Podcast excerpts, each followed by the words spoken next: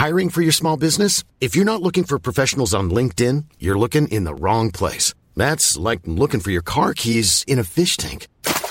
LinkedIn helps you hire professionals you can't find anywhere else, even those who aren't actively searching for a new job but might be open to the perfect role. In a given month, over 70% of LinkedIn users don't even visit other leading job sites. So start looking in the right place. With LinkedIn, you can hire professionals like a professional. Post your free job on linkedin.com slash people today.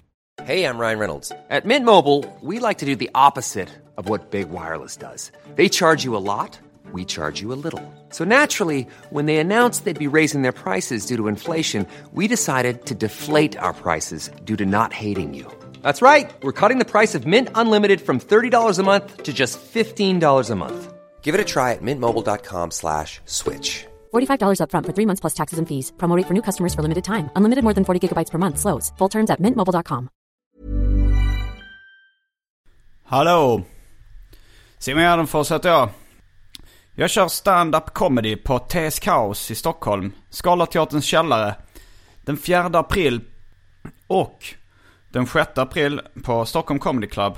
Och även den 7 april på Stockholm Comedy Club.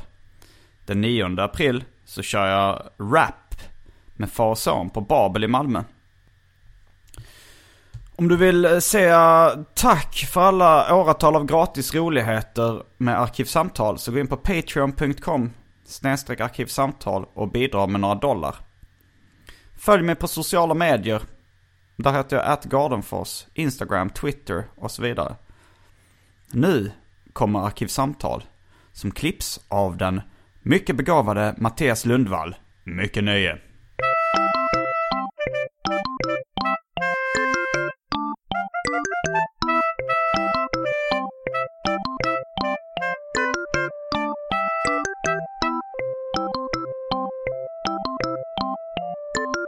Behöver bara göra en svensk klassiker. Så man, jag tror man måste vara lite fysisk för att vara renässansperson. Man ska ha alla de här äh, kulturella och teoretiska grejerna. Och sen ska man också vara lite, göra något med kroppen. Är det så? För jag tänker Leonardo, Leonardo da Vinci var väl den klassiska renässansmänniskan. Ja, Han var väl inte så jävla fysisk. men det var en myt också om att Leonardo da Vinci kunde hoppa jämfota över en man, en vuxen man. Det fanns en myt om det? Ja, Okej. Ja, lite fysisk var han. Han grävde ju upp lik och sånt där och dissekerade. Ja, men jag tror det. Och är en massa konstnär och har en stor jävla ateljé och bara gör Ja. jättestora grejer. Det är lite av ett fysiskt arbete också tror jag. det. Jag tror han var i in shape, Ja, Leonardo da Vinci. jag gör i och för sig armhävningar och sit-ups fem dagar i veckan. Ja, det är sant. Men jag tror du måste göra någon typ av tävling också. Ja, Jag tror du måste ha spandexbyxor och göra någon typ av regga dig för något lopp. det kommer inte hända. Nej. Men eh, jag, jag är inte jättesugen på att bli kallad renässansmänniska. Nej, men sku- lite... Men alltid om, om det var garanterat att folk skulle säga Simon Gärdenfors, renässansmannen. om du gjorde, säg att du eh, cyklade Vätternrundan. Eller sprang Stockholm Marathon. Skulle inte det vara lite värt det? Alltså jag vill inte att folk ska säga renässansmänniska. Va? Det är väl det, är väl det alla vill vara? Nej, inte jag. Ja, det, det var du som tog upp det, jag vet inte. Okej. Uh, Ja, jo, det var det, men det var, det var ironiskt. det var För när ironiskt, du sa, okej. du sa många järn i elden Ja. så, så skulle jag lägga till ännu en sån kliché som folk säger. Jag vet inte, vill du gärna vara en sån? Vill du att folk ska säga ja, du har många järn i elden, du har många bollar i luften, mycket på gång. Ja, Och sen så bara slängde jag in något av en renässansmänniska. jag vet inte. jag bara tycker det låter lite... Ja, det, lå- det låter lite som, det har blivit lite devalverat i ord, eller nästan lite förlöjligat. Det är som att kalla dem för Einstein va? Ja. Det är aldrig positivt. ja, ja. Hej och välkomna till Arkivsamtal med Simon Gärdenfors. Jag heter, som ni kanske kan lista ut, Arkivsamtal. All right, ja. Det är riktigt formulär 1A. Rycka undan mattan. Första dagen på kursen.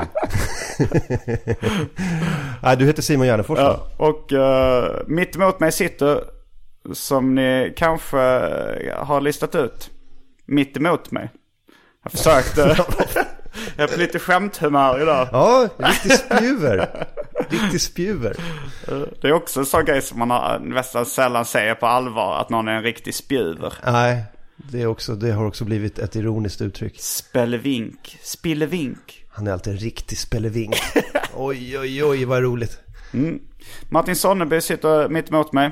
Kul att vara här eh, så tätt in på den förra gången jag var här. Återkommande gäster brukar vara tio avsnitt emellan ungefär. Ja men sist var det ändå 60 avsnitt eller någonting. Ja, det var det kanske. Ja, det var, det var många avsnitt. Ja. Så då tänkte jag, ja men någon gång 2017 då får jag nog vara med igen. Ja, Eller om det ska bli ännu längre tid, att det minskar exponentiellt. Just det. Ju mer gäster du får. Eh, nej men det var, det var roligt. Det är roligt. Jag kommer alltid när du kallar, såklart. Där du är en snabb och du bor väldigt nära mig också. Geographical convenience när jag bor eh, bara andra sidan Ringvägen. Ja, Jag bor exakt fyra minuter härifrån.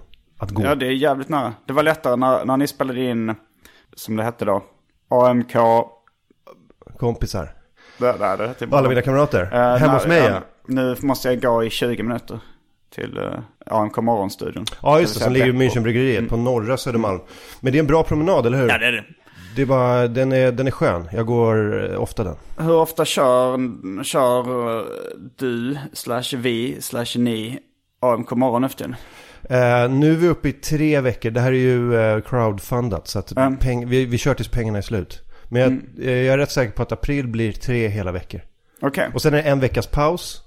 Och sen kör vi i maj igen. Eh, så det börjar nu på måndag den fjärde. Så uh, måndag den fjärde kör vi igång och så är det måndag till torsdag i tre veckor. Eh, Så, eh, så är det. Eh, och Det- du var nära målet att kunna köra måndag till fredag nonstop? Ja men det hänger på att jag bygger en egen studio. Och det, det, det krävs en lokal för det bara. Okej. Så om det är någon som har en lokal som hör det här. Som, som vet om en lokal på Södermalm som är typ 50-100 kvadrat och eh, funkar för en studio. Hör av er. För eh, jag bygger den och så, så, så sen är det ju liksom... Men du har fått ihop tillräckligt mycket eh, på Patreon för att eh, kunna bygga det nu då? Ja, för att driva verksamheten och sen, sen betalar jag ju liksom med egna pengar, alltså själva studion. Men den ska ju byggas liksom. Ja. Jag tänkte göra en professionell studio. Mm, fan vad roligt. Ja. Så då kan man vara där, då kan vi ju vara där jämt. Jag vill göra det varje dag liksom. Jag känner så här, det här... det Eller här som du, en måndag till fredag alltså? måndag till fredag varje vecka, Mm. månad ut och månad in. Kanske ett lite sommaruppehåll. Ja. Du, vi startade ju poddar samtidigt ungefär. Ja, Det vill säga sommaren eh, 2012. ja just det. Eh, och jag, jag har bara kört på. Jag tror jag har, det var, jag har kört varje lördag utan undantag. Förutom en, när jag var i Amsterdam och uh, misslyckades med att ladda upp filen. Då kom den en dag för sent. Folk blir tokiga va? Ja, då hade jag nog inte så mycket lyssnare ännu. Men det var, det var väl några som eh, skrev på Twitter att jag hade förstört deras liv. ja. Men... eh, Många är autistiska med det där. Ja, men, men jag började med podden, alltså så här, när, innan jag började med stand-up också. Eller jag- jag började typ skriva skämt samtidigt som jag började med podden. Sen tog det väl ett halvår eller ett år innan jag började med stand-up också. Just det. Men du, du höll på med stand-up ganska långt innan. Ja, Podd jag började väl live. 2006. Mm. Så 2006 till eh, 2010, då var det ju bara stand-up. Eller 2009. Och sen var det mer och mer så tv-grejer som jag känner hur bara tv-grejen åt upp tid och kraft åt själva stand-up-prylen. Så fick jag lägga ner tv-grejer och bara tackade nej till allt. Och så, eh, så har väl i stort sett bara fokuserat på stand-up. Och sen kommer podden också, men de gifter sig så himla bra. Så att det känns inte som att det, är liksom, att det tar kraft ur liksom, eh, den andra skämtskrivargrejen. Nej, inte när man kör den typen av podd vi gör som inte kräver så mycket förberedelser. Nej, jag är imponerad av de som, som skriver så himla mycket till sina grejer. De som Ja. har hela teser. Ja, Ola har- Söderholm läser sex böcker om... Så Ja, här, Lilla Drevet kör ju så här. Ja. Skriva, skriva ungefär som man förbereder tv-program eller ett. ja, läser alla morgontidningar i hela Sverige under en vecka och så skriver de någonting på det. Ja. Det blir jättebra, men det är inte det, det, är inte det som vi gör va? Nej, det är för jobbigt. Ja, men, Jag vet inte om det hade blivit, eh, om det hade blivit bättre ifall jag hade för, Jag tror förmodligen att just Arkivsamtal hade nog blivit sämre. När, eh, när vi, vi har ansträngt oss och gjort så här specialisterna sitcom. Man har liksom skrivit manus, spelat in, klippt, lagt på ljudeffekter och sådär. Det känns som att det blev mindre populärt än när vi bara sitter och improviserar och tramsar oss liksom. Ja, men jag tror det. Jag tror att, men folk är väl så vana vid det där. Det finnt ju så mycket annat sånt, sånt skriptat material liksom, i sketchprogram och sånt där. Så Jag tror bara, och sen tror jag att väldigt många poddlyssnare bara vill ha lite sällskap. Jo, man lär ju känna någon mer när, det bara, när man bara sitter och snackar skit. Ja, ja, oh ja. Än eh, när man har skrivit ett roligt manus. ja. Jag tror det har blivit dags att kasta oss in på det omåttligt populära inslaget Välj drycken.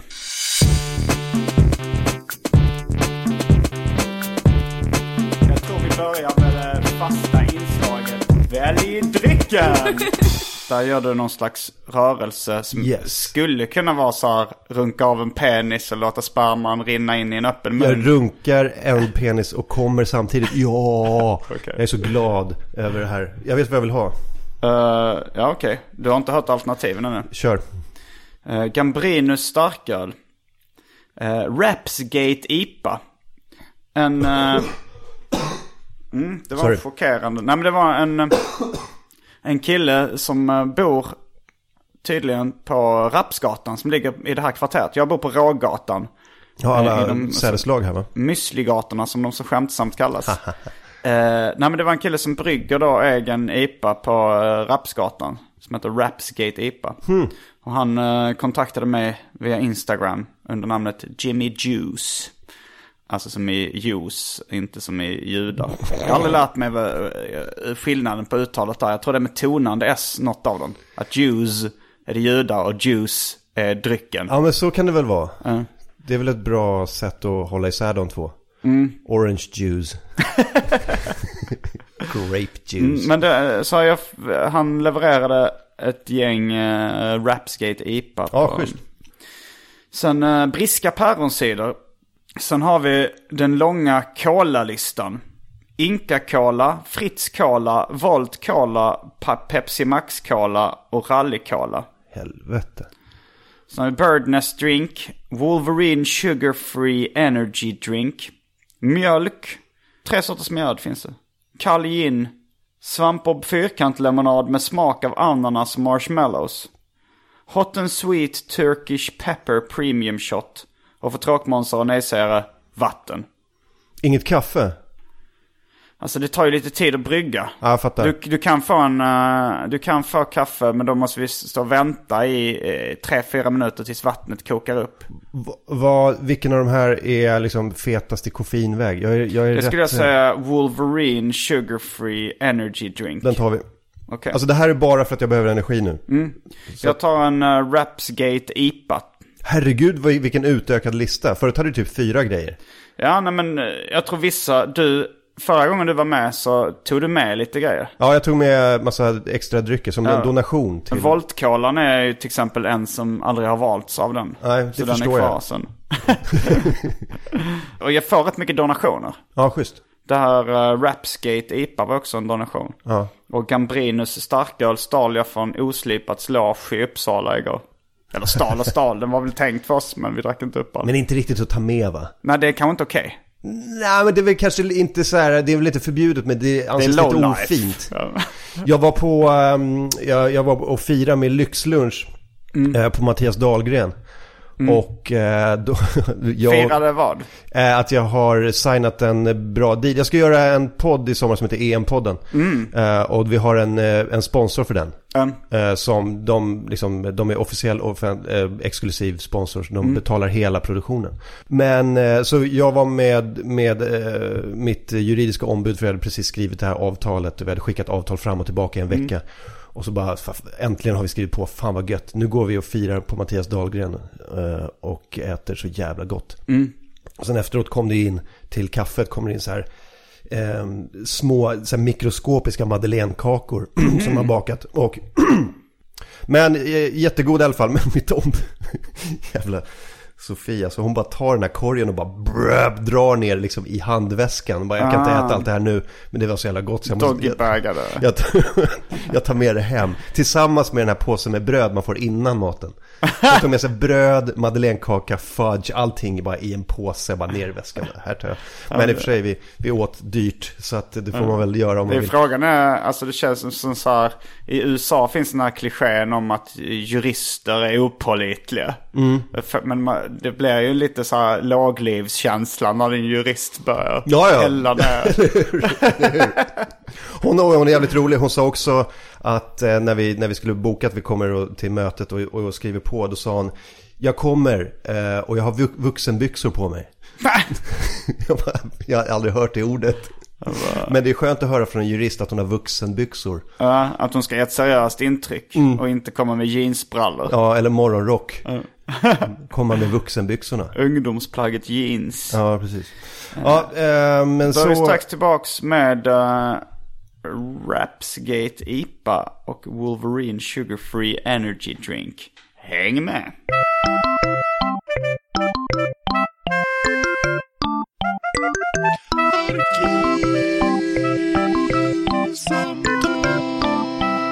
Då är vi tillbaks med dryckerna. Wolverine Sugar Free, den var slut. Jag har lite, jag tar en gammal lista som brukar stryka saker som jag inte ser längre i kylen. Men jag lyckades missa att Wolverine inte var kvar. Så du tog istället din egen Powervolt Cola. Den som jag köpte tog En med. Jolt Cola kopia. Ja, just det. Volt Cola. Ehm, eh, Solklart fall av renommésnyltning skulle jag säga. helt klart. Ehm, jag, eh, men jag är glad över det. Den smakar precis som vanlig cola med, jag vet inte, tio krossade koffeintabletter i. Du vet, du får den här på beskan, tungan. ja. Du får den här Den tydliga beskan. koffeinbäskan. eh, Alvedon. Åh fy fan. Ja. Någonting. Nej men det är bara en, en liten, men det, det är positivt just nu för jag är så jävla trött. Ja, det står high caffeine. Det är roligt att det heter på engelska heter det coffee men caffeine. Mm. På svenska är det tvärtom. Kaffe men koffein. Det Man var en- ut A och O. Det är en spaning som har legat framför mig i alla år, men som jag aldrig har tänkt på. Nej, du har tänkt man ska ha en stand-up. Vad är grejen med att kaffe och innehåller koffein på svenska? Hej, varför vänder vi på on och an? Varför kan vi inte bara göra ett, ett byte mellan engelska och svenska? Vi träffas på någon ambassad och gör ett snabbt byte bara. Ja, där, där har du någonting. Jag, jag tänkte att det här kan man inte göra någonting av den här spaningen. Men eh, Vi gör det på, som, som en sån eh, kalla kriget spionutbyte vid, vid någon typ av gräns. Ni får ett O, vi tar ett A. Ja, det är Så skitbra. är det färdigt. Jag är tillbaks med Rapsgate IPA. Den är faktiskt väldigt god. Lindberg och Lindberg Breweries. Lindberg eh, stavas på två olika sätt. Med ett H och utan H på slutet. Får jag smaka en klunk eller är du OCD med det? Eh, alltså jag har ju lite basilskräck. Ja, jag, fan, jag misstänkte det faktiskt. men jag kan hälla upp det i ett litet mindre glas. Nej, det är inte ens värt. Det var, jag blev väldigt stolt. Det var, jag var på eh, en bar i Malmö. Eh, Nya Tröls som den heter. Så var det en kille där som jag inte kände men som jag pratade med. Och så började vi, så då, men då drack jag, då hade jag druckit så länge så jag hade gått över till att dricka sockerfri läsk istället. Och så drack jag Pepsi Max. Så började vi diskutera då skillnaderna mellan eh, Cola Zero och Pepsi Max. Och han brukade mest dricka Cola Zero. Så han frågade, ah, får jag smaka lite på din? Så sa han, nej, jag har lite basilskräck.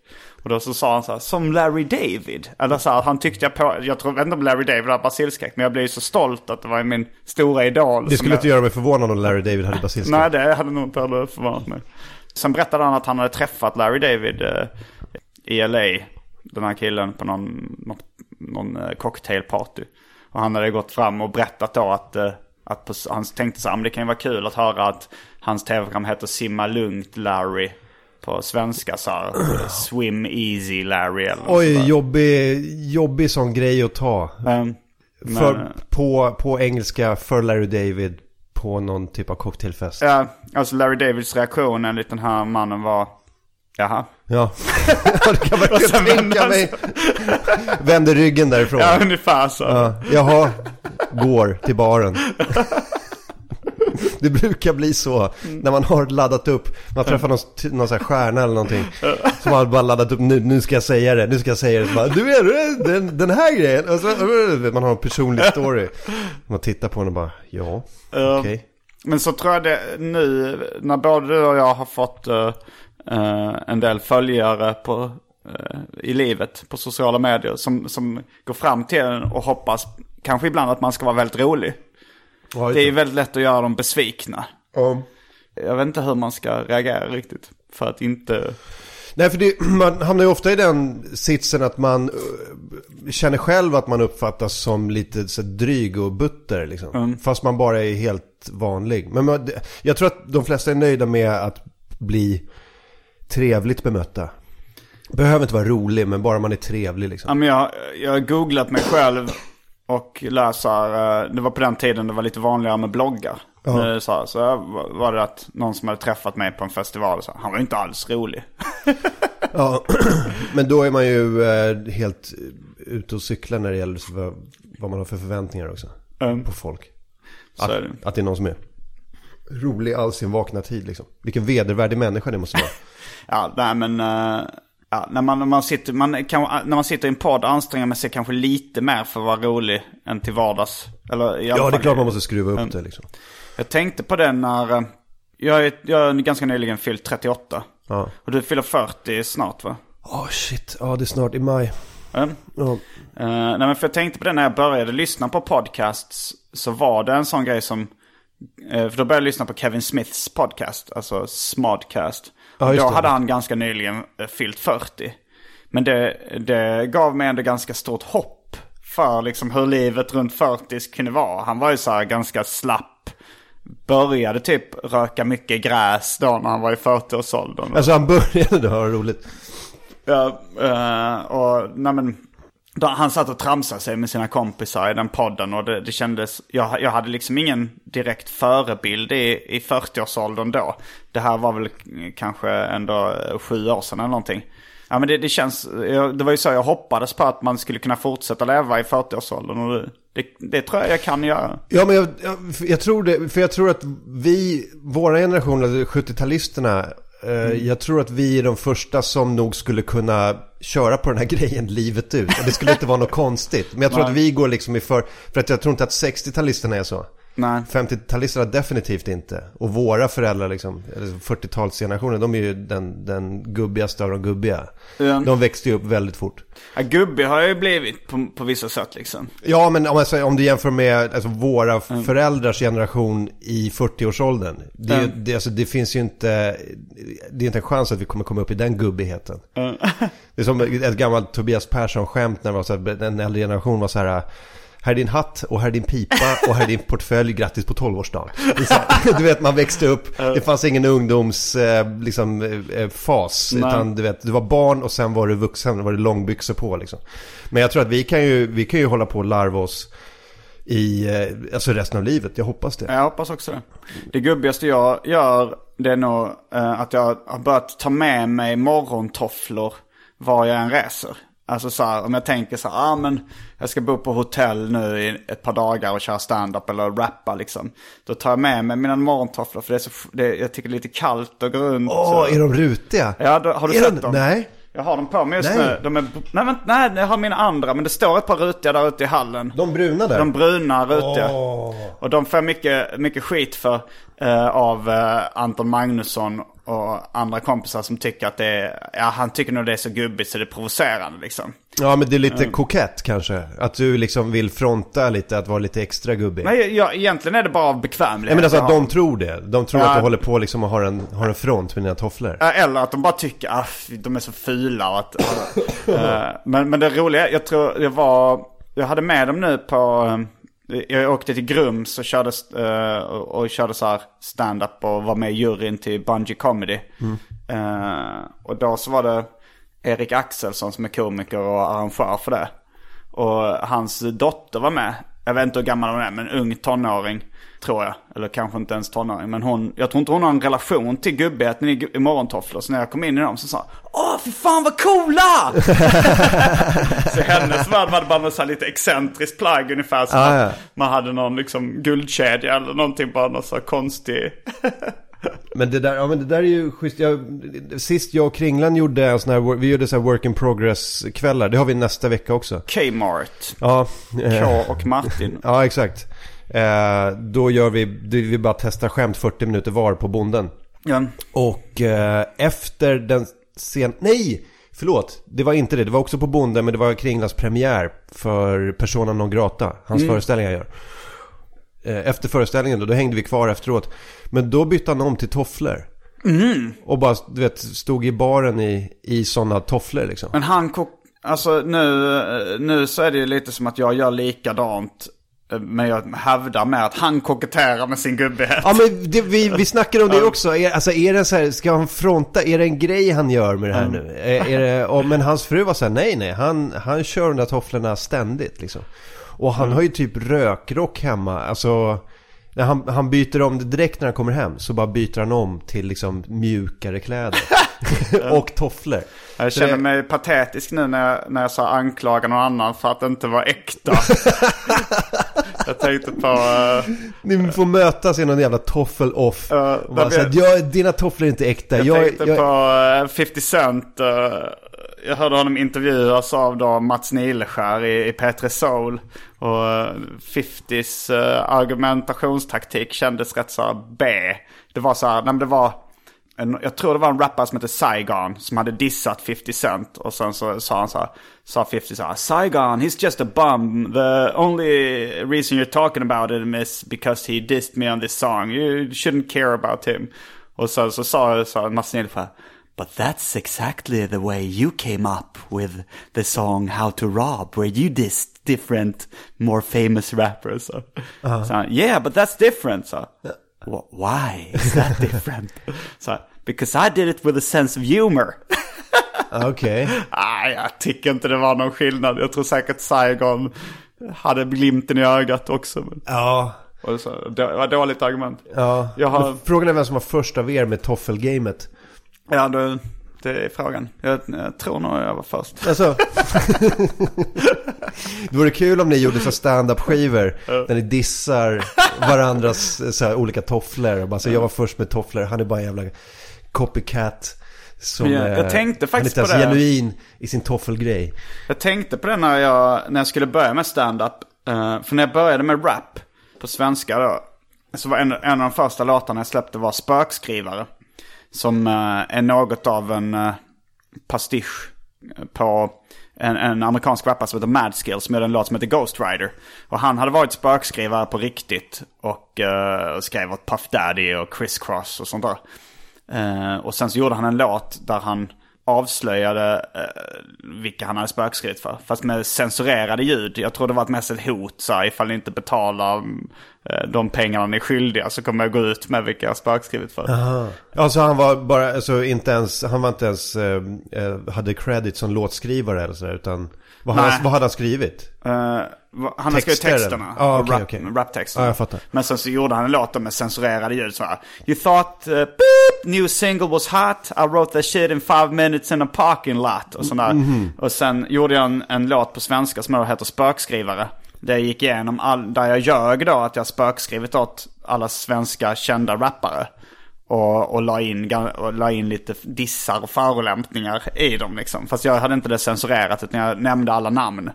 Och, det var, och när den singeln släpptes så spelades den, började spelas på så här rätt hög rotation på P3. Och liksom, eh, vi släppte den under namnet Las Palmas. Så de flesta rappare då började ju veta vem man var. Och, och vi började få liksom ett rykte och började, det var liksom en kickstart på karriären.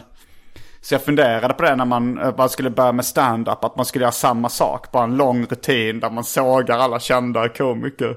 Ja, just det. Eh, För, man hade ju, för samtidigt, jag vet inte, jag gjorde inte det. Det känns som att jag hade nog rappat lite längre då när jag gjorde det. Om, om man kom upp och är dålig och, och sågar alla andra, det, det blir bara konstigt liksom. Så det är nog bättre att... Ja, jag, nej jag tror att det är nog ingen superstrategi. Nej, det skulle vara rätt roligt om det kom upp en sån här 14-årig ny komiker som bara så, kör lång tid han sågar alla kända. Har man extrem likability, då, då kan man nog komma undan med det. Men jag tror inte att eh, eh, en vuxen man, eh, det skulle nog inte gå skitbra. Jag Nej. jag, sen, men ja, ja, det var kul. En, en 16-årig tjej, svinkaxig och rolig då, måste vara rolig. Och som toksågar alla de stora svenska komikerna, alla, alla män som har hållit på i 10 år eller mer. Ja, det hade nog varit ett sätt att, att hamna på kartan i alla fall. Ja. Alla, alla i branschen hade ju vetat vem det var efter ett tag. Ja, Men det är visst. också lite riskabelt och... Ja, men det är så jävla kompiskorruption i den här branschen också. Så att eh, det, det är ju lätt att liksom eh, bränna alla broar på en gång. Och så blir man någon typ av så här, ugh. Ready to pop the question? The jewelers at BlueNile.com have got sparkle down to a science with beautiful lab grown diamonds worthy of your most brilliant moments. Their lab grown diamonds are independently graded and guaranteed identical to natural diamonds, and they're ready to ship to your door. Go to BlueNile.com and use promo code LISTEN to get $50 off your purchase of $500 or more. That's code LISTEN at BlueNile.com for $50 off. BlueNile.com code LISTEN. Hey, it's Paige DeSorbo from Giggly Squad. High quality fashion without the price tag. Say hello to Quince. I'm snagging high-end essentials like cozy cashmere sweaters, sleek leather jackets, fine jewelry, and so much more. With Quince being 50 to 80% less than similar brands. And they partner with factories that prioritize safe, ethical, and responsible manufacturing. I love that. Luxury quality within reach. Go to quince.com slash style to get free shipping and 365 day returns on your next order. Quince.com slash style. Quality sleep is essential. That's why the Sleep Number Smart Bed is designed for your ever evolving sleep needs. Need a bed that's firmer or softer on either side? Helps you sleep at a comfortable temperature? Sleep Number Smart Beds let you individualize your comfort so you sleep better together. JD Power ranks Sleep Number number 1 in customer satisfaction with mattresses purchased in-store. And now, save 50% on the Sleep Number limited edition Smart Bed for a limited time. For JD Power 2023 award information, visit jdpower.com/awards. Only at a Sleep Number store or sleepnumber.com. Har du märkt det? Eller det är klart du har märkt. Men eh, för någon som inte vet, det är enormt mycket klickbildning. I stand-up I stand-up Sverige. Ja, det har jag ju självklart märkt. Ja. Eh, Har du märkt det? Herregud. Det är det mest tydliga som finns. Ja det är det. Fast det är lite svårt att, att hålla reda på eh, vem som har konflikt med vem tycker jag. Ja. Och sånt förändras ju hela tiden också. Ja, jo, ja. ja man märker ju på vilka som gör grejer tillsammans. Vilka Jo. som... Eh, vilka man tar med sig när man åker ut och, och gör shower. Eller vilka som eh, startar eh, Ja. projekt och sånt där.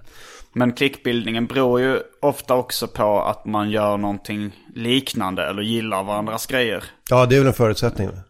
När, när jag, det var ju ganska mycket så i serietecknarvärlden också när jag höll på där.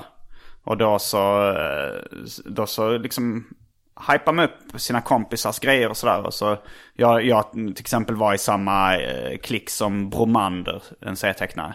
Och så skrev jag liksom på min blogg och sa ah, det här är årets bästa album och det här är skitbra. Så var det många som skrev så här, men det skrev du bara för att ni är kompisar. Men då så är det, jag var mer så här, nej vi är kompisar för att jag gillar hans grejer liksom. Vi kontaktar varandra, vi kände inte varandra innan. Det är inte så att vi växte upp tillsammans och var barndomskompisar. Utan jag kontaktar den här personen för att jag gillar deras humor. Så är det ju nu också, jag kontaktar ju eh, Anton Magnusson. Jag kände inte honom, men jag tyckte att han gjorde roliga grejer på YouTube. Ni känns ju som att ni har känt varandra hela livet. Men det är bara tre, fyra år. Ja, ni är så extremt lika i allting. Eller Ja. inte lika, men det är som att så här, ni, ni, är, ni, ni är exakt på samma frekvens. Ja. Jo, nej, och, sen- och sen Albin lärde, lärde jag känna, Albin Olsson och Elinor Svensson lärde jag känna på typ Mafia Comedy eller Bunker Bar och sådana sunkklubbar som... Just det. det men det, det är också lite sådär... Eh, det är en rätt hård tillvaro för att man, man blir bara kompisar om man respekterar varandras... Inte för den de är egentligen, utan för det de gör. Mm, så är det Så man, man hade inte varit kompisar med dem om man inte hade respekterat deras grej. Nej, Eller- men sen så är ju det man gör, tycker jag, är ganska mycket den man är. Men man kan ju vara en fantastisk människa men en, en superdålig komiker. Jag vet Eller? inte. en fantastisk... Jo, det kan man ju vara. Alltså, du, du kan ju vara... Du kan vara jättesnäll. Eh, men men det, det är väl ganska få som är superroliga offstage. Och sen inte är det på scenen ifall de... Ja, fast nu sätter du ett värde i att vara rolig och att vara bra, bra människa. bra människa. Jo, det är väl lite så. Det, jag bedömer väl lite, alltså rolig för mig är en väldigt viktig egenskap. Ja, jag hänger också. extremt lite med folk som är bara snälla och eh, jobbar med välgörenhet. Men är tråkiga liksom. Ja, ja visst. Ja, men det är, det är samma här. Men, men det är ju... det är ju lite av en, eh, eh, en dynamik där, där man är eh, man, man värderar folk utifrån hur roliga de är eller Mm. hur rolig man blir i deras närvaro, liksom vilken, vilken kemi man har och sånt. Ja. Eh, och det ser man ju på, på alla komiker som liksom blir, jag vet inte, de blir upplockade i ett gäng. Mm. Och det är inte så att, för att de skulle vara på något sätt, eh, bara funka personligt med massa olika människor. Det är ju för att de har en viss, en viss nivå på sin humor. Liksom. Mm. Men det är rätt roligt för det blir ju ändå rätt blandat från olika samhällsklasser och olika, alltså det blir ett rätt blandat gäng. Om man tänker så här AMK morgon-gänget. Det, det är nästan som att man skulle åka till Egypten och så är man ett gäng svenskar på ett hotell där. Som kommer, som bör- börjar hänga med varandra bara för att de är svenskar. Men de är liksom från helt olika bakgrunder och helt olika åldrar och helt olika... Absolut. Det är någonting, ålder spelar ju verkligen ingen roll. I det här gamet, det är väl, du kan ju vara liksom 21 och Mm. du kan hänga med 40-åringar. Det, det spelar inte så jävla stor roll. Men Karl-Axel Björnberg. Tänk, tänk om han var svinrolig. Ja, alltså han är ju rolig på, på ett sätt. Ja, men bara det sättet. Ja, jo, att han, att han kokar köttfärs. eh, enbart det. Det är ju det är ett väldigt roligt sätt att vara rolig på. Ja, men tänk om Karl-Axel Björnberg var en av de roligaste ståuppkomikerna i Sverige. Ja. Folk Ja, hade men- ju stått i kö för att vara kompis med honom. Jo, men så är det ju. Men Han hade varit alltså, Sveriges Don Rickles. Don Rickles fortfarande rolig. Jag har sett honom i Comedians in Cars Getting Coffee tror jag. Eller är det han som är kompis med... Han, han, han är jättegammal och ser ut som en sköldpadda. Ja, men han, det är inte han som är kompis med... Vad heter han nu? Det våras för killen. Mel, Mel, Brooks. Mel Brooks. Det är han säkert. Han är, Det finns ett sånt eh, avsnitt av, alltså Comedians in Cars Getting Coffee är då Jerry Seinfelds tv-serie eller webbserie. Där han uh, åker bil med komiker och dricker kaffe med dem och intervjuar dem, pratar med dem. Och då finns det ett avsnitt där det är Mel Brooks, känd för Det våras för filmerna. eh, bland annat, men han var också stand-up-komiker en gång i tiden. Och hans gamle kompis liksom. Båda deras fruar har dött. Okej. Och de typ hänger, det, det är väldigt gulligt för de hänger, de, de kollar på Jeopardy tillsammans varje kväll. Och ifall de missar det så spelar de in det på kassett, på, på VHS tror jag det var. Eller Tivo kanske. Men, men det är på, min mormor och morfar gjorde också det. De kollade på Jeopardy alltid. Och ifall de skulle på middag eller något sånt hos någon annan så spelade de in det. Och så det sen. Så det, men, men det kändes så, alltså, det kändes så rörande på något sätt att de som i 80-årsåldern ändå hade så en bästa kompis som man Ja, hängde med varje dag. Så. Men det kan jag tänka mig. Du är säker på att det var Don Rickles då? Ja, nej, jag är inte säker på att det var det. det kan, men det var någon annan gammal, uh, rätt känd komiker. Ja. Men, var, men man märkte också så att Mel Brooks, han tog, när, när Jerry kom in med kameran och micken, eh, så tog han över så mycket. Att han liksom, han gav inte sin polare så många sylar i vädret. Ja, de var, de var båda två där? Ja, båda två. Ja, de jag fattar. för så, sen tog typ Jerry bara en tur i bilen med den andra. Så att han skulle få prata lite också. Ensam. Ja, men Don Rickles är väl en sån här, uh, han, är väl, han var ju med i The Original Rat Pack, alltså var kompis med Frank Sinatra. Var han en av dem? För att uh, Rat Pack var väl, var det Sinatra, Sammy Davis Jr. Och sen vet jag inte Nej, mer. vänta. Dean Martin kanske? Dean Martin, ja. Men Don Eh, Rickles var inte en han av var dem man brukar nämna eller? Nej, men han var komiker. Jag, jag är rätt säker på att han var med i så här original Rat Packet. Mm. Eh, och, eh, men han var, ju, han var ju den som så här, han kunde öppna för Frank Sinatras konserter och göra stand-up. Liksom. Mm. Så han var med i det, där, i det där gänget. Men nu är han ju liksom, han börjar väl närma sig hundra nu. jag tror det. Och är sån, men tänk dig, om du tänker dig en, en dryg eh, eh, arrogant Yoda. liksom som alla så här, alla bara bugar för. Han har varit med så himla länge. Och, Som eh, Branne Pavlovic kommer bli när han blir gammal. ja, Eller i alla fall dryg och arrogant. ja, precis. Men, men eh, om, om Branne Pavlovic har någon typ av eh, superkarriär. För han var ju verkligen på toppen av Nej, toppen. Don Rickles var det. Ja. Ehm, men, eh, men alla respekterar honom och han är en sån insult comedian. Han bara, han förolämpar alla liksom. Och han är så super politiskt inkorrekt. Han, han går ju på ras och kön.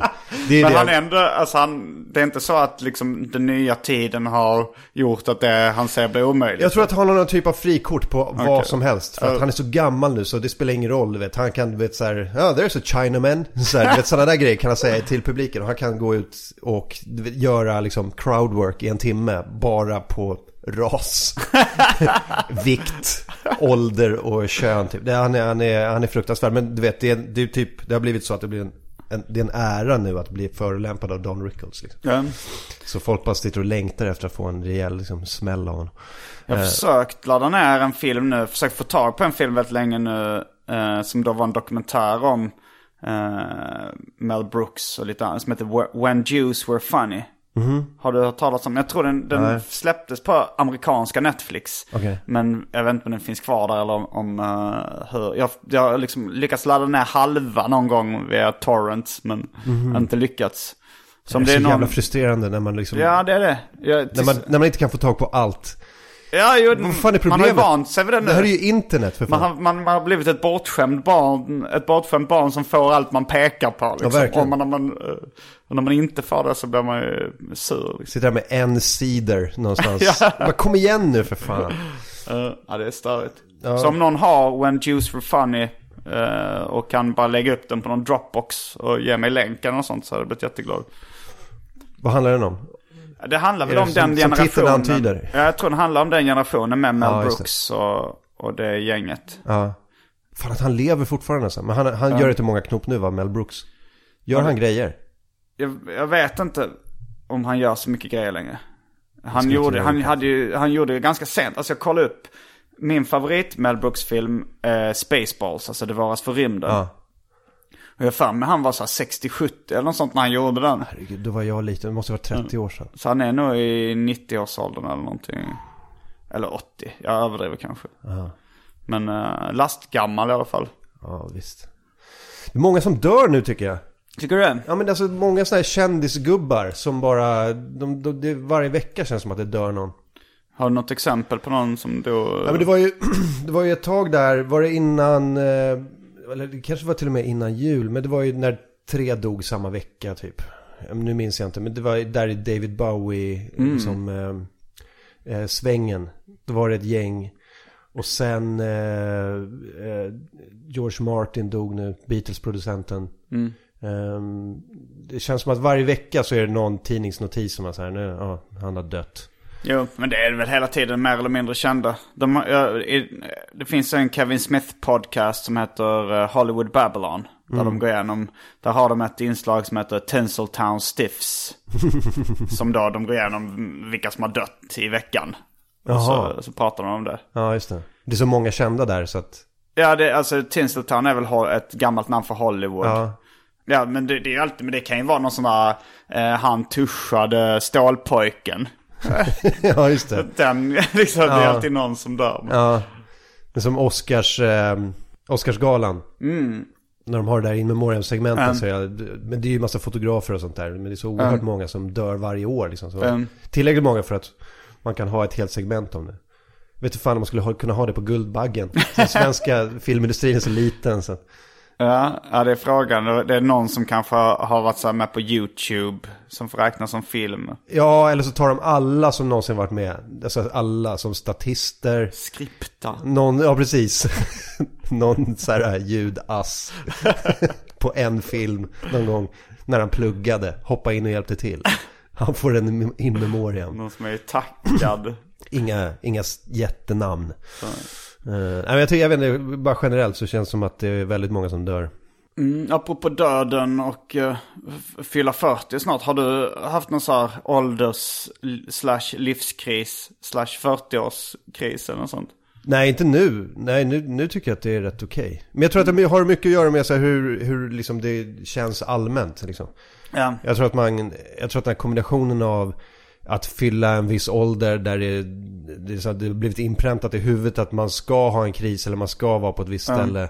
Och sen eh, om man inte mår skitbra, det, så det kan väl utlösa en kris liksom. Ja. Ja men det är, väl- det, det är nog sant att man, om man mår dåligt eller inte är nöjd med sitt liv, då kan man alltid hitta så här, okej, det är en 25-årskris. Ja, exakt. Där, eh, eller bara ta, välj en årstid. Det är vinterdepression. Det är Ja, höstdepression. Du måste hänga Det upp det på någonting. Nej, det, det är livet som bara som suger. Det, det råkar suga just nu. Mm. Eh, jag har sugliv. Så nej, men det- nej, jag har inte eh, känt det så. Men däremot har jag ju liksom kompisar och sånt där som har typ två eller tre barn. Mm. Och jag, men jag, det är snarare så att jag är sådär glad att, det in, att jag inte har det där.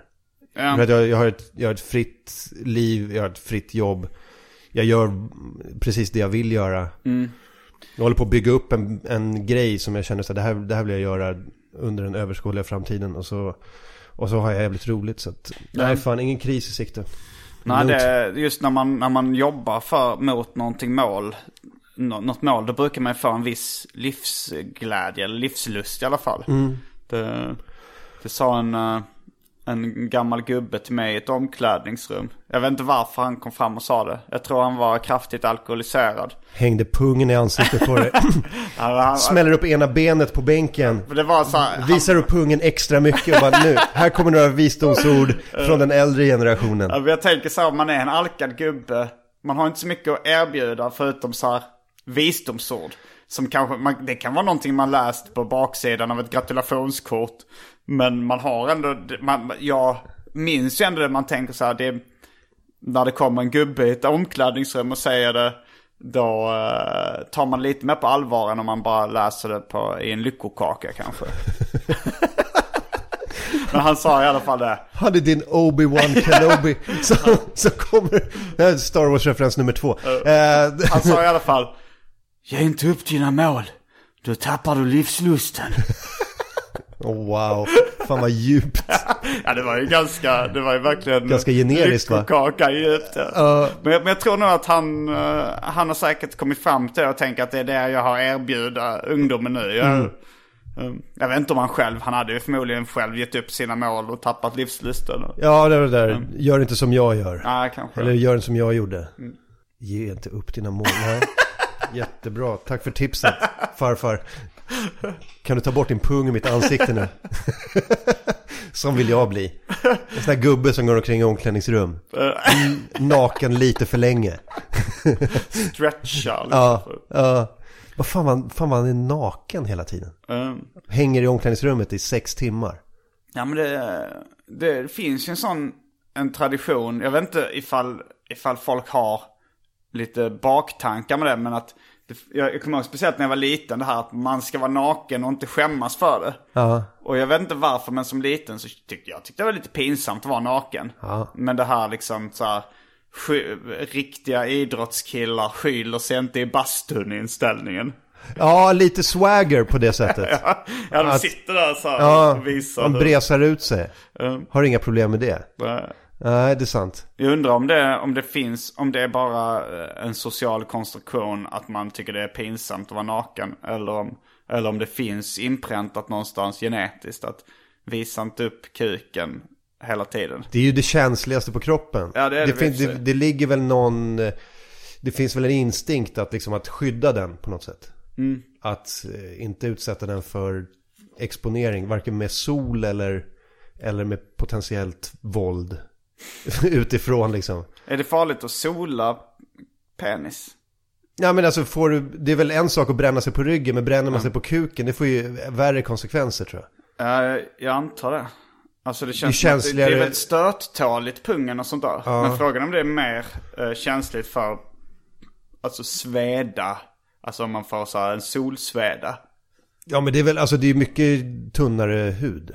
Mm, Så på så sätt så är det väl... Eh... du har inga egna erfarenheter av soler? Nej, Jag tror inte jag har bränt könet på det sättet. Jag sol liksom. Eh, men eh, nej, fy fan vad ont alltså. Om man har, liksom, om man har bränt sig på solbränt sig på kroppen. Kan jag bara tänka mig hur jävla obehagligt det är att bränna sig på kuken.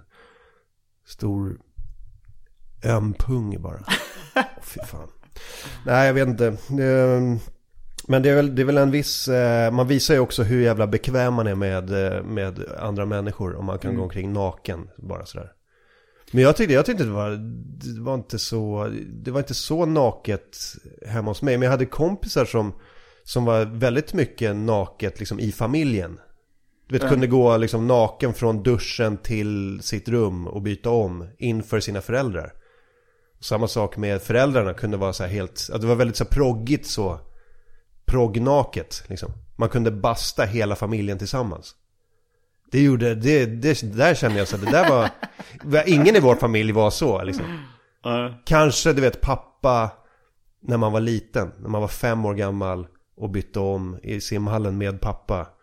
Då kunde det liksom vara så här, då var, man, då var det naket okej. Okay, liksom. Ja. Jag, jag, jag är inte så jättebekväm med nakenhet. Speciellt alltså så här, i sexuella sammanhang så har jag ju liksom inga problem att visa upp mig naken. Men jag tror också det är det så att jag vill att min penis ska vara åtminstone lite blodfylld när man visar upp den. Man vill vis, visa upp den i sin bästa sida liksom. Ändå lite större än det här slappa, slaka kuken när den är som minst. Jag tycker det är tråkigt att ge det intrycket. Ja, gud ja. Eller springa till bussen-kuken. när den är bara så här, det, när det är lite kallt och man har sprungit lite. Och bara, zzz, när man krypit in. Ja, det är det. Det var, ugh. Det var, vi har man inte ha. en kompis som har varit med på mycket far och sonspelningar nu. Eh, det är väl mest för festa antar jag. Freddy heter. Eh, han. Men han liksom har dansat lite på scenen och sånt där. Och då, då kommer han ofta med, eh, han, han kommit med egna initiativ. Så ja, men jag kan tejpa fast en, eh, en pizza framför kuken med silvertejp och dansa naken. Eh, Alltså var helt naken med bara en pizzaslice. Ja, Ja. Det, det gjorde han eh, i, i någon stad vi var. Och samma sak med ett påskägg nu under senaste spelningen under påsken. Men sen så när vi hade något DJ-set. Vänta, har inte jag sett det här på Instagram? Jo det har du säkert gjort. Det finns på, eh, jag får en minnesbild av det. finns någon, det finns på Instagram eller Snapchat. Att Gardenfors hette det där. Men sen så hade vi något DJ-set mitt i natten. Och då eh, gick han upp, var helt naken och började dansa lite så här på eget initiativ också.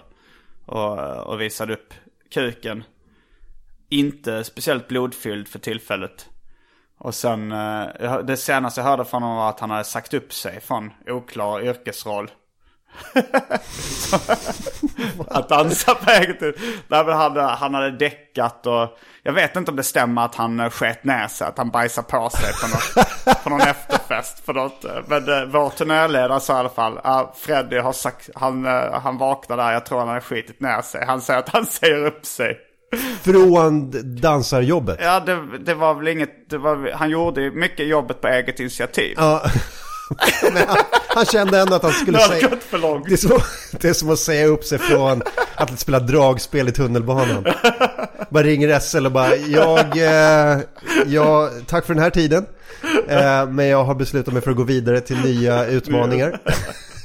De bara, ja, kunde inte bry oss mindre i och för sig. Men, Men jag eh, tror, vi jag kommer tror att han kommer det. komma tillbaks. Jag tror att han kommer sakna de här. Precis som dragspelsmannen kommer tillbaka.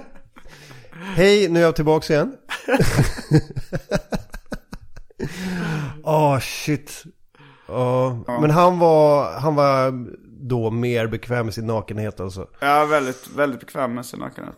Ja, för fan, när vi gjorde den här Åhléns-grejen, när alla mina kamrater gjorde kalsongreklam för Åhléns som smälldes upp på stora affischer och Åhléns kataloger som skickades ut. Då fick jag vara, de skulle ta en närbild på kalsonger. Vi gjorde ju när vi stod i kalsonger i olika scenarier eller låg i en säng eller sånt där. Och så skulle vi, fotografen ville ha någon närbild på kalsong. Så de tog mig och då var det typ från Kalsong naveln. i obestämd form singularis. Ja.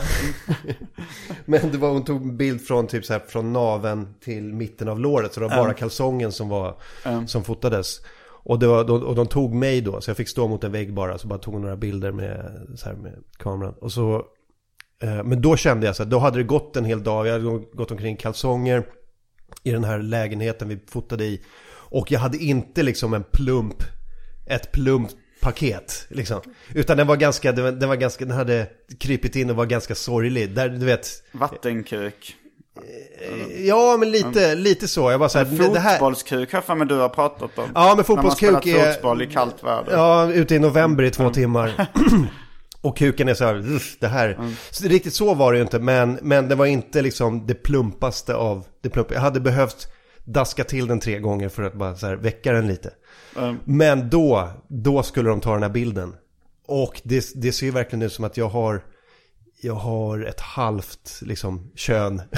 där, så här, det syns ju inte jättemycket genom, genom kalsongerna men jag bara önskar att liksom, ah, det där var inte mitt kön från det bästa det har varit. Ja, det, det är svårt att hitta det här mellantinget. Alltså så här, om, jag, om man ska liksom duscha eh, efter en, eh, om man varit på badhuset eller något sånt där.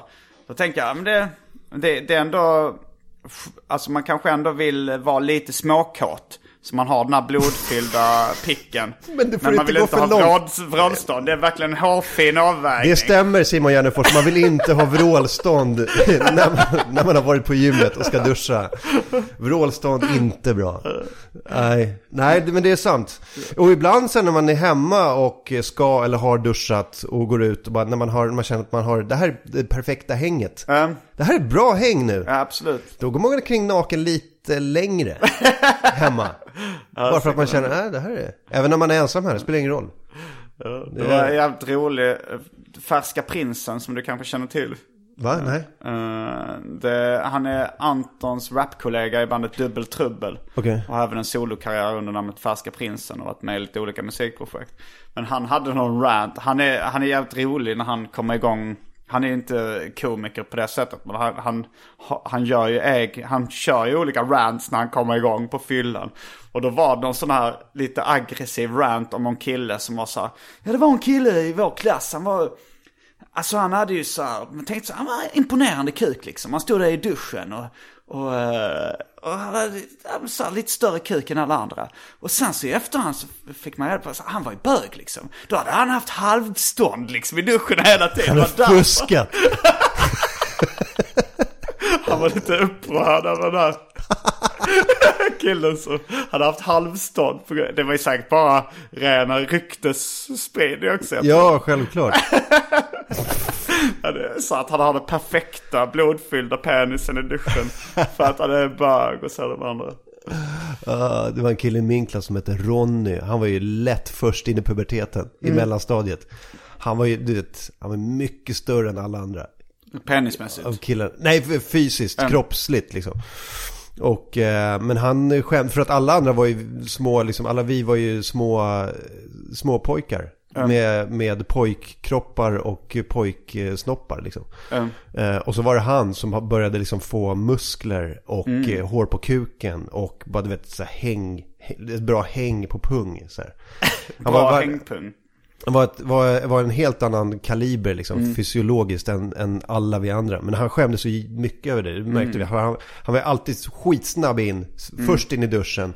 Och var nästan klar när vi var liksom, när vi var på väg liksom, in skulle duscha efter gympan. Liksom. Det måste varit jävligt tufft att vara liksom den, Mm. även om det, fan det borde ju inte vara något problem alls att vara liksom först in i puberteten. Det är toppen ju. Ja, det är Men det var ju, det var ju, det är fortfarande jobbigt att vara var en den. pionjär. Den enda liksom. Känner sig lite utanför. Tänkte på en eh, man som var väldigt bekväm i sin nakenhet som heter Torsten. Som jag tror kommer från Emmaboda. Eh, när vi spelade med far och son på Emmaboda-festivalen så, så var han, han eh, lyckades ta sig in backstage på någonstans och frågade så här, Får jag vara med på scenen? Och så frågade vi så här, vad ska du göra där? Jag vet inte, jag kan, jag kan runka eller något sånt där. Och då så tänkte vi så här, Vad är det för gökar ni drar till er som vill vara nakna på scen hela tiden? Vet, de tänker nog så här, vad, vad har jag att komma med underhållningsmässigt? Jag kan kanske inte sjunga, jag kan kanske inte dansa så bra. Runka kan jag. Ja, Det har jag eh, övat på så varje vi tänkte dag. så här, vi var väl båda lite packade jag och Frej, så vi tänkte det är roligare att, att tacka ja till en runkande gubbe. För han var ju ändå i vår ålder liksom, så att det är ju gubbåldern. Så, Ja, han var i er ålder. ja. Ja, det, det kändes som han var äldre. När, Ja, du, när du berättade. Nej men jag är ju 38, det är ju ändå någon slags gubbålder. Ja, ja, Det jo, här var absolut. bara några år sedan, jag kommer inte ihåg. Men, eller för det var någon som skrev eh, senare på någon musikblogg eller sånt att de hade med sig en runkande gubbe på scenen. Ja, då är det det. Förmodligen 22-åring som skrev det där. Ja, kanske det. Och då för, hon, för en 22-åring är ju en, en runkande 38-åring. Det är, ja, absolut. det är en gubbe liksom. Men han, men han, han, försö- han fick aldrig upp något riktigt stånd, Torsten, utan han bara stod och liksom drog i sin slaka penis. Det ska man inte klandra honom för tycker jag. Om det var första gången inför en festivalpublik. Så bara, din dålig, fan vad dålig du är. Du fick inte ens ett riktigt stånd. Eh, men det blev, det blev bara så här, det blev ju den här riktigt dåliga stämningen bara. Det blev, det blev ju liksom, och till slut så försökte vi säga, okej men nu har han stått där ett tag och runkat. Eh, då kanske det är dags att börja så antyda att han ska gå av. Man tänkte att han går upp. Var det efter en låt eller? Ja, vi sa så här, men du kan gå på på den här låten. Ja. Och sen, eh, men sen gick han ju inte av när den låten var kvar, utan han stod kvar där och runkade sin slappa kuk. och det var men till slut liksom, man fick göra med tydligare och tydligare så här lite knuffar liksom. Nej, nu. Men han stod kvar där, till slut gav vi upp. Så fick man bara ställa sig bredvid honom och rappa när han stod och runkade sin slappa kuk. Jaha, så han vann alltså? Ja, ja, men det, jag vill inte liksom avbryta min vers för Nej, nej. att ta av honom. Och så tänkte jag, ja men då får han väl vara kvar. Så han var kvar där i två, tre låtar. Oh wow. Och fick fortfarande inte upp den. Nej, Ändå, ändå bra gjort ändå att försöka. ja det tycker jag. Eller så fick han väl feeling. Han, bara, alltså, han, han blev biten av liksom hela scengrejen. Kanske aldrig hade stått på en scen. Ja, Han har inget att erbjuda liksom, i musikvägen och sånt där. Så bara, men runka ja, kan men sen vi. är det ju vissa, vissa män som verkar gilla att visa sin kuk liksom. Det är ju, du kanske har hört eh, den virala eh, Spotify-låten Snoppfri inkorg. Nej. Med någon fitnessbrud som har gjort en låt om uh, män som skickar kukbilder till henne. Men det verkar vara rätt vanligt så här. Det, det, det, det allmänna, allmänna uppfattningen är ju så att nästan ingen tjej vill ha uh, kukbilder. Men väldigt många killar verkar vilja skicka dem. Jag tror att det är en kukbild på tusen som kanske är liksom önskad. Ja, Välkommen. Det, jag tror det är ännu mindre faktiskt. Tror du det? Ja. Ja, jag tror det. En på 10 000. Ja, kanske. Där bör vi närma oss sanningen tror jag. Någonstans mellan en på 10 000 och en på 50 000. Det var en fråga som jag bara sa i förbifarten som, som liksom gick förlorad lite det här. Har du någonsin skitit ner dig?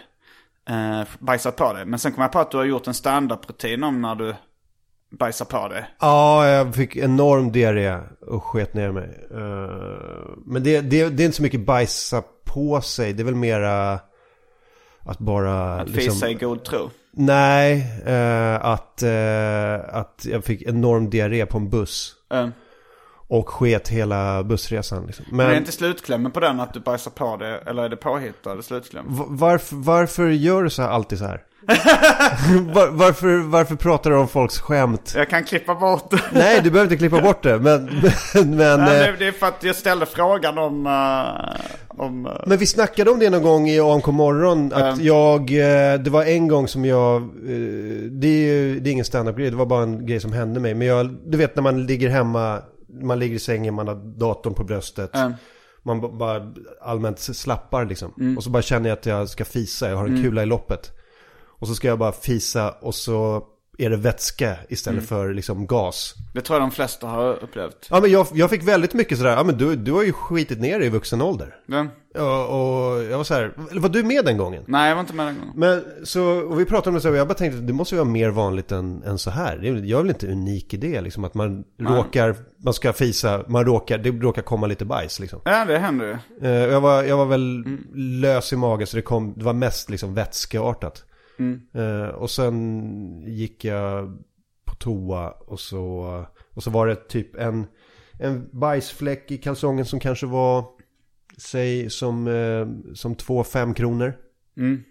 Eh, och så, och det var, det var, ju, det var inte alltså fast materia, det var ju vätska liksom. Brun vätska. Det var det. Och sen, eh, sen torkade jag mig. Och så eh, bytte jag kalsonger. Jag minns inte men jag tror att jag duschade också. Lite grann, alltså jag spolade så här. Eh, och sen var det färdigt med det liksom. Ja. Nej, sånt händer va? Gör ja, inte nej, det? jag, jo, det har hänt mig också. Uh, Men du har väl gjort värre? Du har ju skitit på det på riktigt bara för att se hur det känns. ja, två gånger. Två, två gånger! en gång räckte inte. Uh, nej, men det var, det var sen var en andra gången var jag skulle spela in en ljudeffekt till vår radiositcom. Där min karaktär skulle bajsa på med sig. Jaha. Och då gjorde jag det på riktigt. För att det skulle bli riktigt realistiskt. Var spelar du in det här? Här hemma? Här i hallen. För scenen utspelar sig i min hall. Så det ska vara det, det liksom autentiska ljudet. Vilken mikrofon tog du?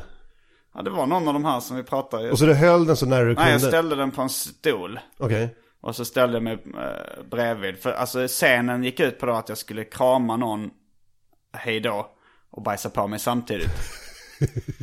så jag liksom agerade ut det i min hall. Så att jag hade byxor på mig och micken stod liksom på väldigt hög gain så att man skulle få med alla detaljerna. Ah, jag fattar, blev det bra då? Ja, det blev bra. Det lät jävligt äckligt. Alltså så här. Och jag tror ingen, jag tror killen som mixade ljudet fattar nog inte heller att det här är, det här är the real deal. det lät fruktansvärt äckligt faktiskt. För jag, kan tänka mig att det, låter, det blir så här mufflat, liksom lite prutt, lite... Ja, det blev lite dovt ljud. Dämpat av byxorna och sådär. Och bajset. Ja. Lite bubblande, pruttigt, dovt. Det var exakt så det lät. Underbart ljud. Du vet de som håller på med sådana här, vad heter det? Eh, sådana här eh, YouTube-klipp när de, när de pratar lite viskande sånt här. Och bara- Du får en skön känsla av det. Det känner jag inte till. Eh, vad fan heter det? det? Det är en förkortning som heter så här, det är någonting med... Åh, fan också! Nu måste jag kolla upp det. Men det, det, det är folk som får en skön känsla av att någon pratar väldigt nära. Mm, en intim. Och lite, ja, nu har, du vet de håller på med, tar på olika grejer och eh, de, eh, nu ska jag, nu ska jag ta det lite. Det är ett YouTube-fenomen så. alltså. Det finns enormt många sådana klipp där mest, jag tror att det bara är kvinnor som, Mm. som pratar väldigt eh, viskande och lugnt och fint och folk får någon typ av så här nackhårsresande känsla av det, väldigt så här behaglig känsla av det. Mm. Och det finns sådana klipp som har så här 40 miljoner hits. Jävlar. och det är folk som jag tror som gör liksom eh, tjänar sitt levebröd på att spela in sådana här videos. Vad säger de till lyssnarna? Vissa, vissa är bara att de säger bara rent nonsens, bara väldigt sådana så behagliga saker. Eh, vissa age, utagerar att de är typ på någon typ av skönhetssalong eller hårsalong. Där de bara, nu ska jag klippa lite hår. Jag kommer klippa lite här. Och jag kommer klippa lite där. Och så, och så gör vi så här. Jag gillar ju inte den eh, hos frisören, när de pratar med en. Ja, fast det här är inte bara prata med utan det här du ska prata på ett visst sätt Ja, som gör att du får en skön känsla av det. Liksom. Det är nästan lite så här godnattsage-artat. Så här, du vet, folk, folk som har svårt att sova så här, upptäcker att de kan somna till de här grejerna. Ja. Ehm, vad fan skulle jag komma med det här? Vad var det vi pratade om? Vi pratar om att bajsa på sig. Bajsa på sig. Jag har hört att det finns någon sån fetischklubb i Japan där affärsmän får klä sig i blöja och bajsa i blöjan och sen kommer eh, kvinnor in och byter blöja på dem. Ja men jag tror det där är rätt vanligt. Det finns i England också. Väldigt mycket.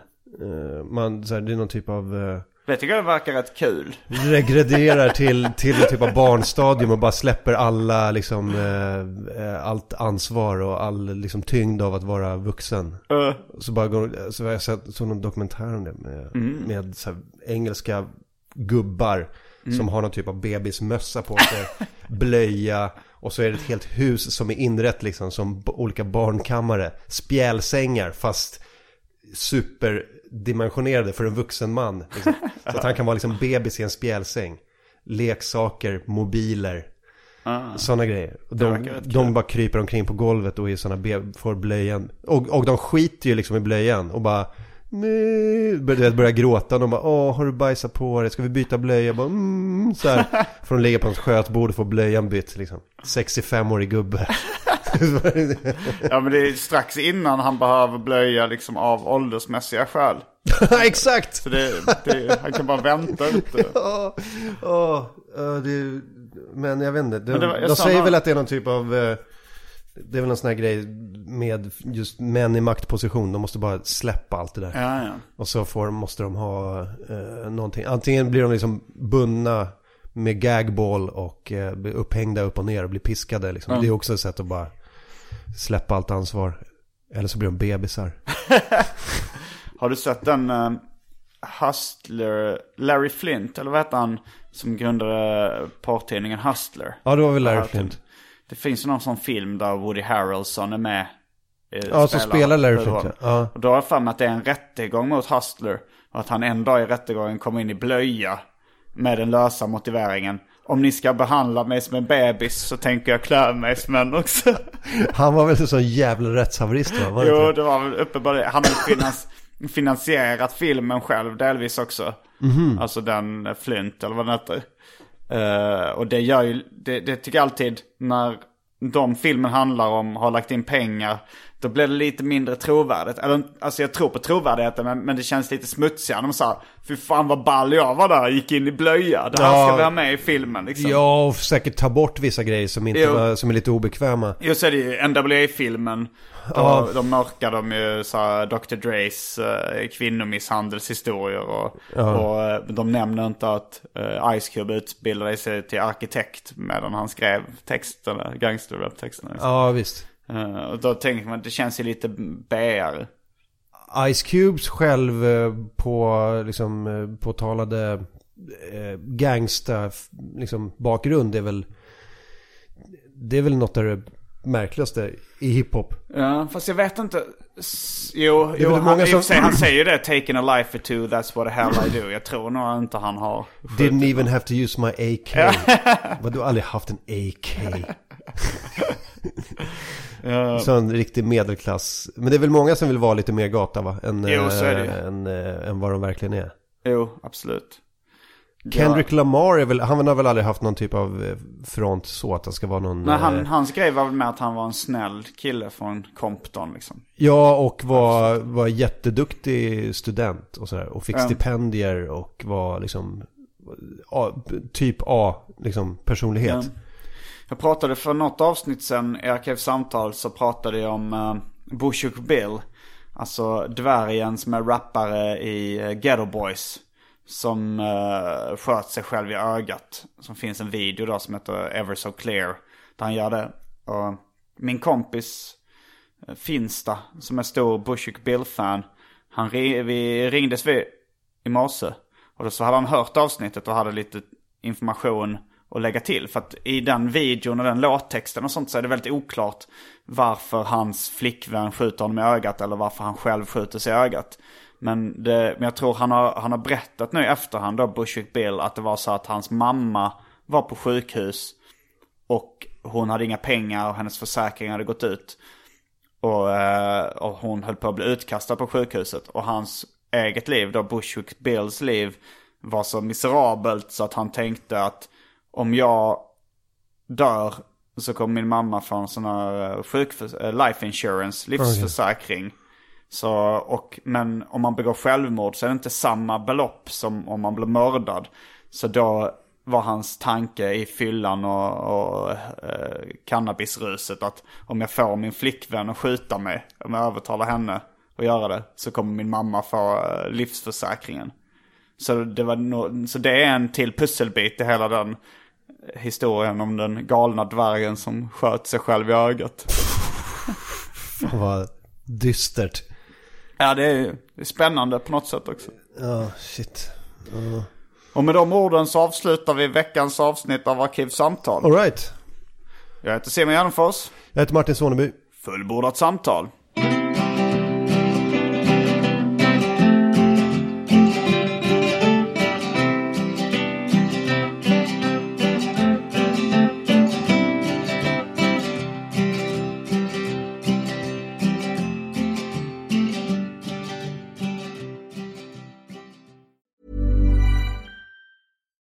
Deserves the best, and there's no better place to shop for Mother's Day than Whole Foods Market. They're your destination for unbeatable savings, from premium gifts to show-stopping flowers and irresistible desserts. Start by saving 33% with Prime on all body care and candles. Then get a 15-stem bunch of tulips for just $9.99 each with Prime. Round out Mom's menu with festive rosé, irresistible berry chantilly cake, and more special treats. Come celebrate Mother's Day at Whole Foods Market. Even when we're on a budget, we still deserve nice things.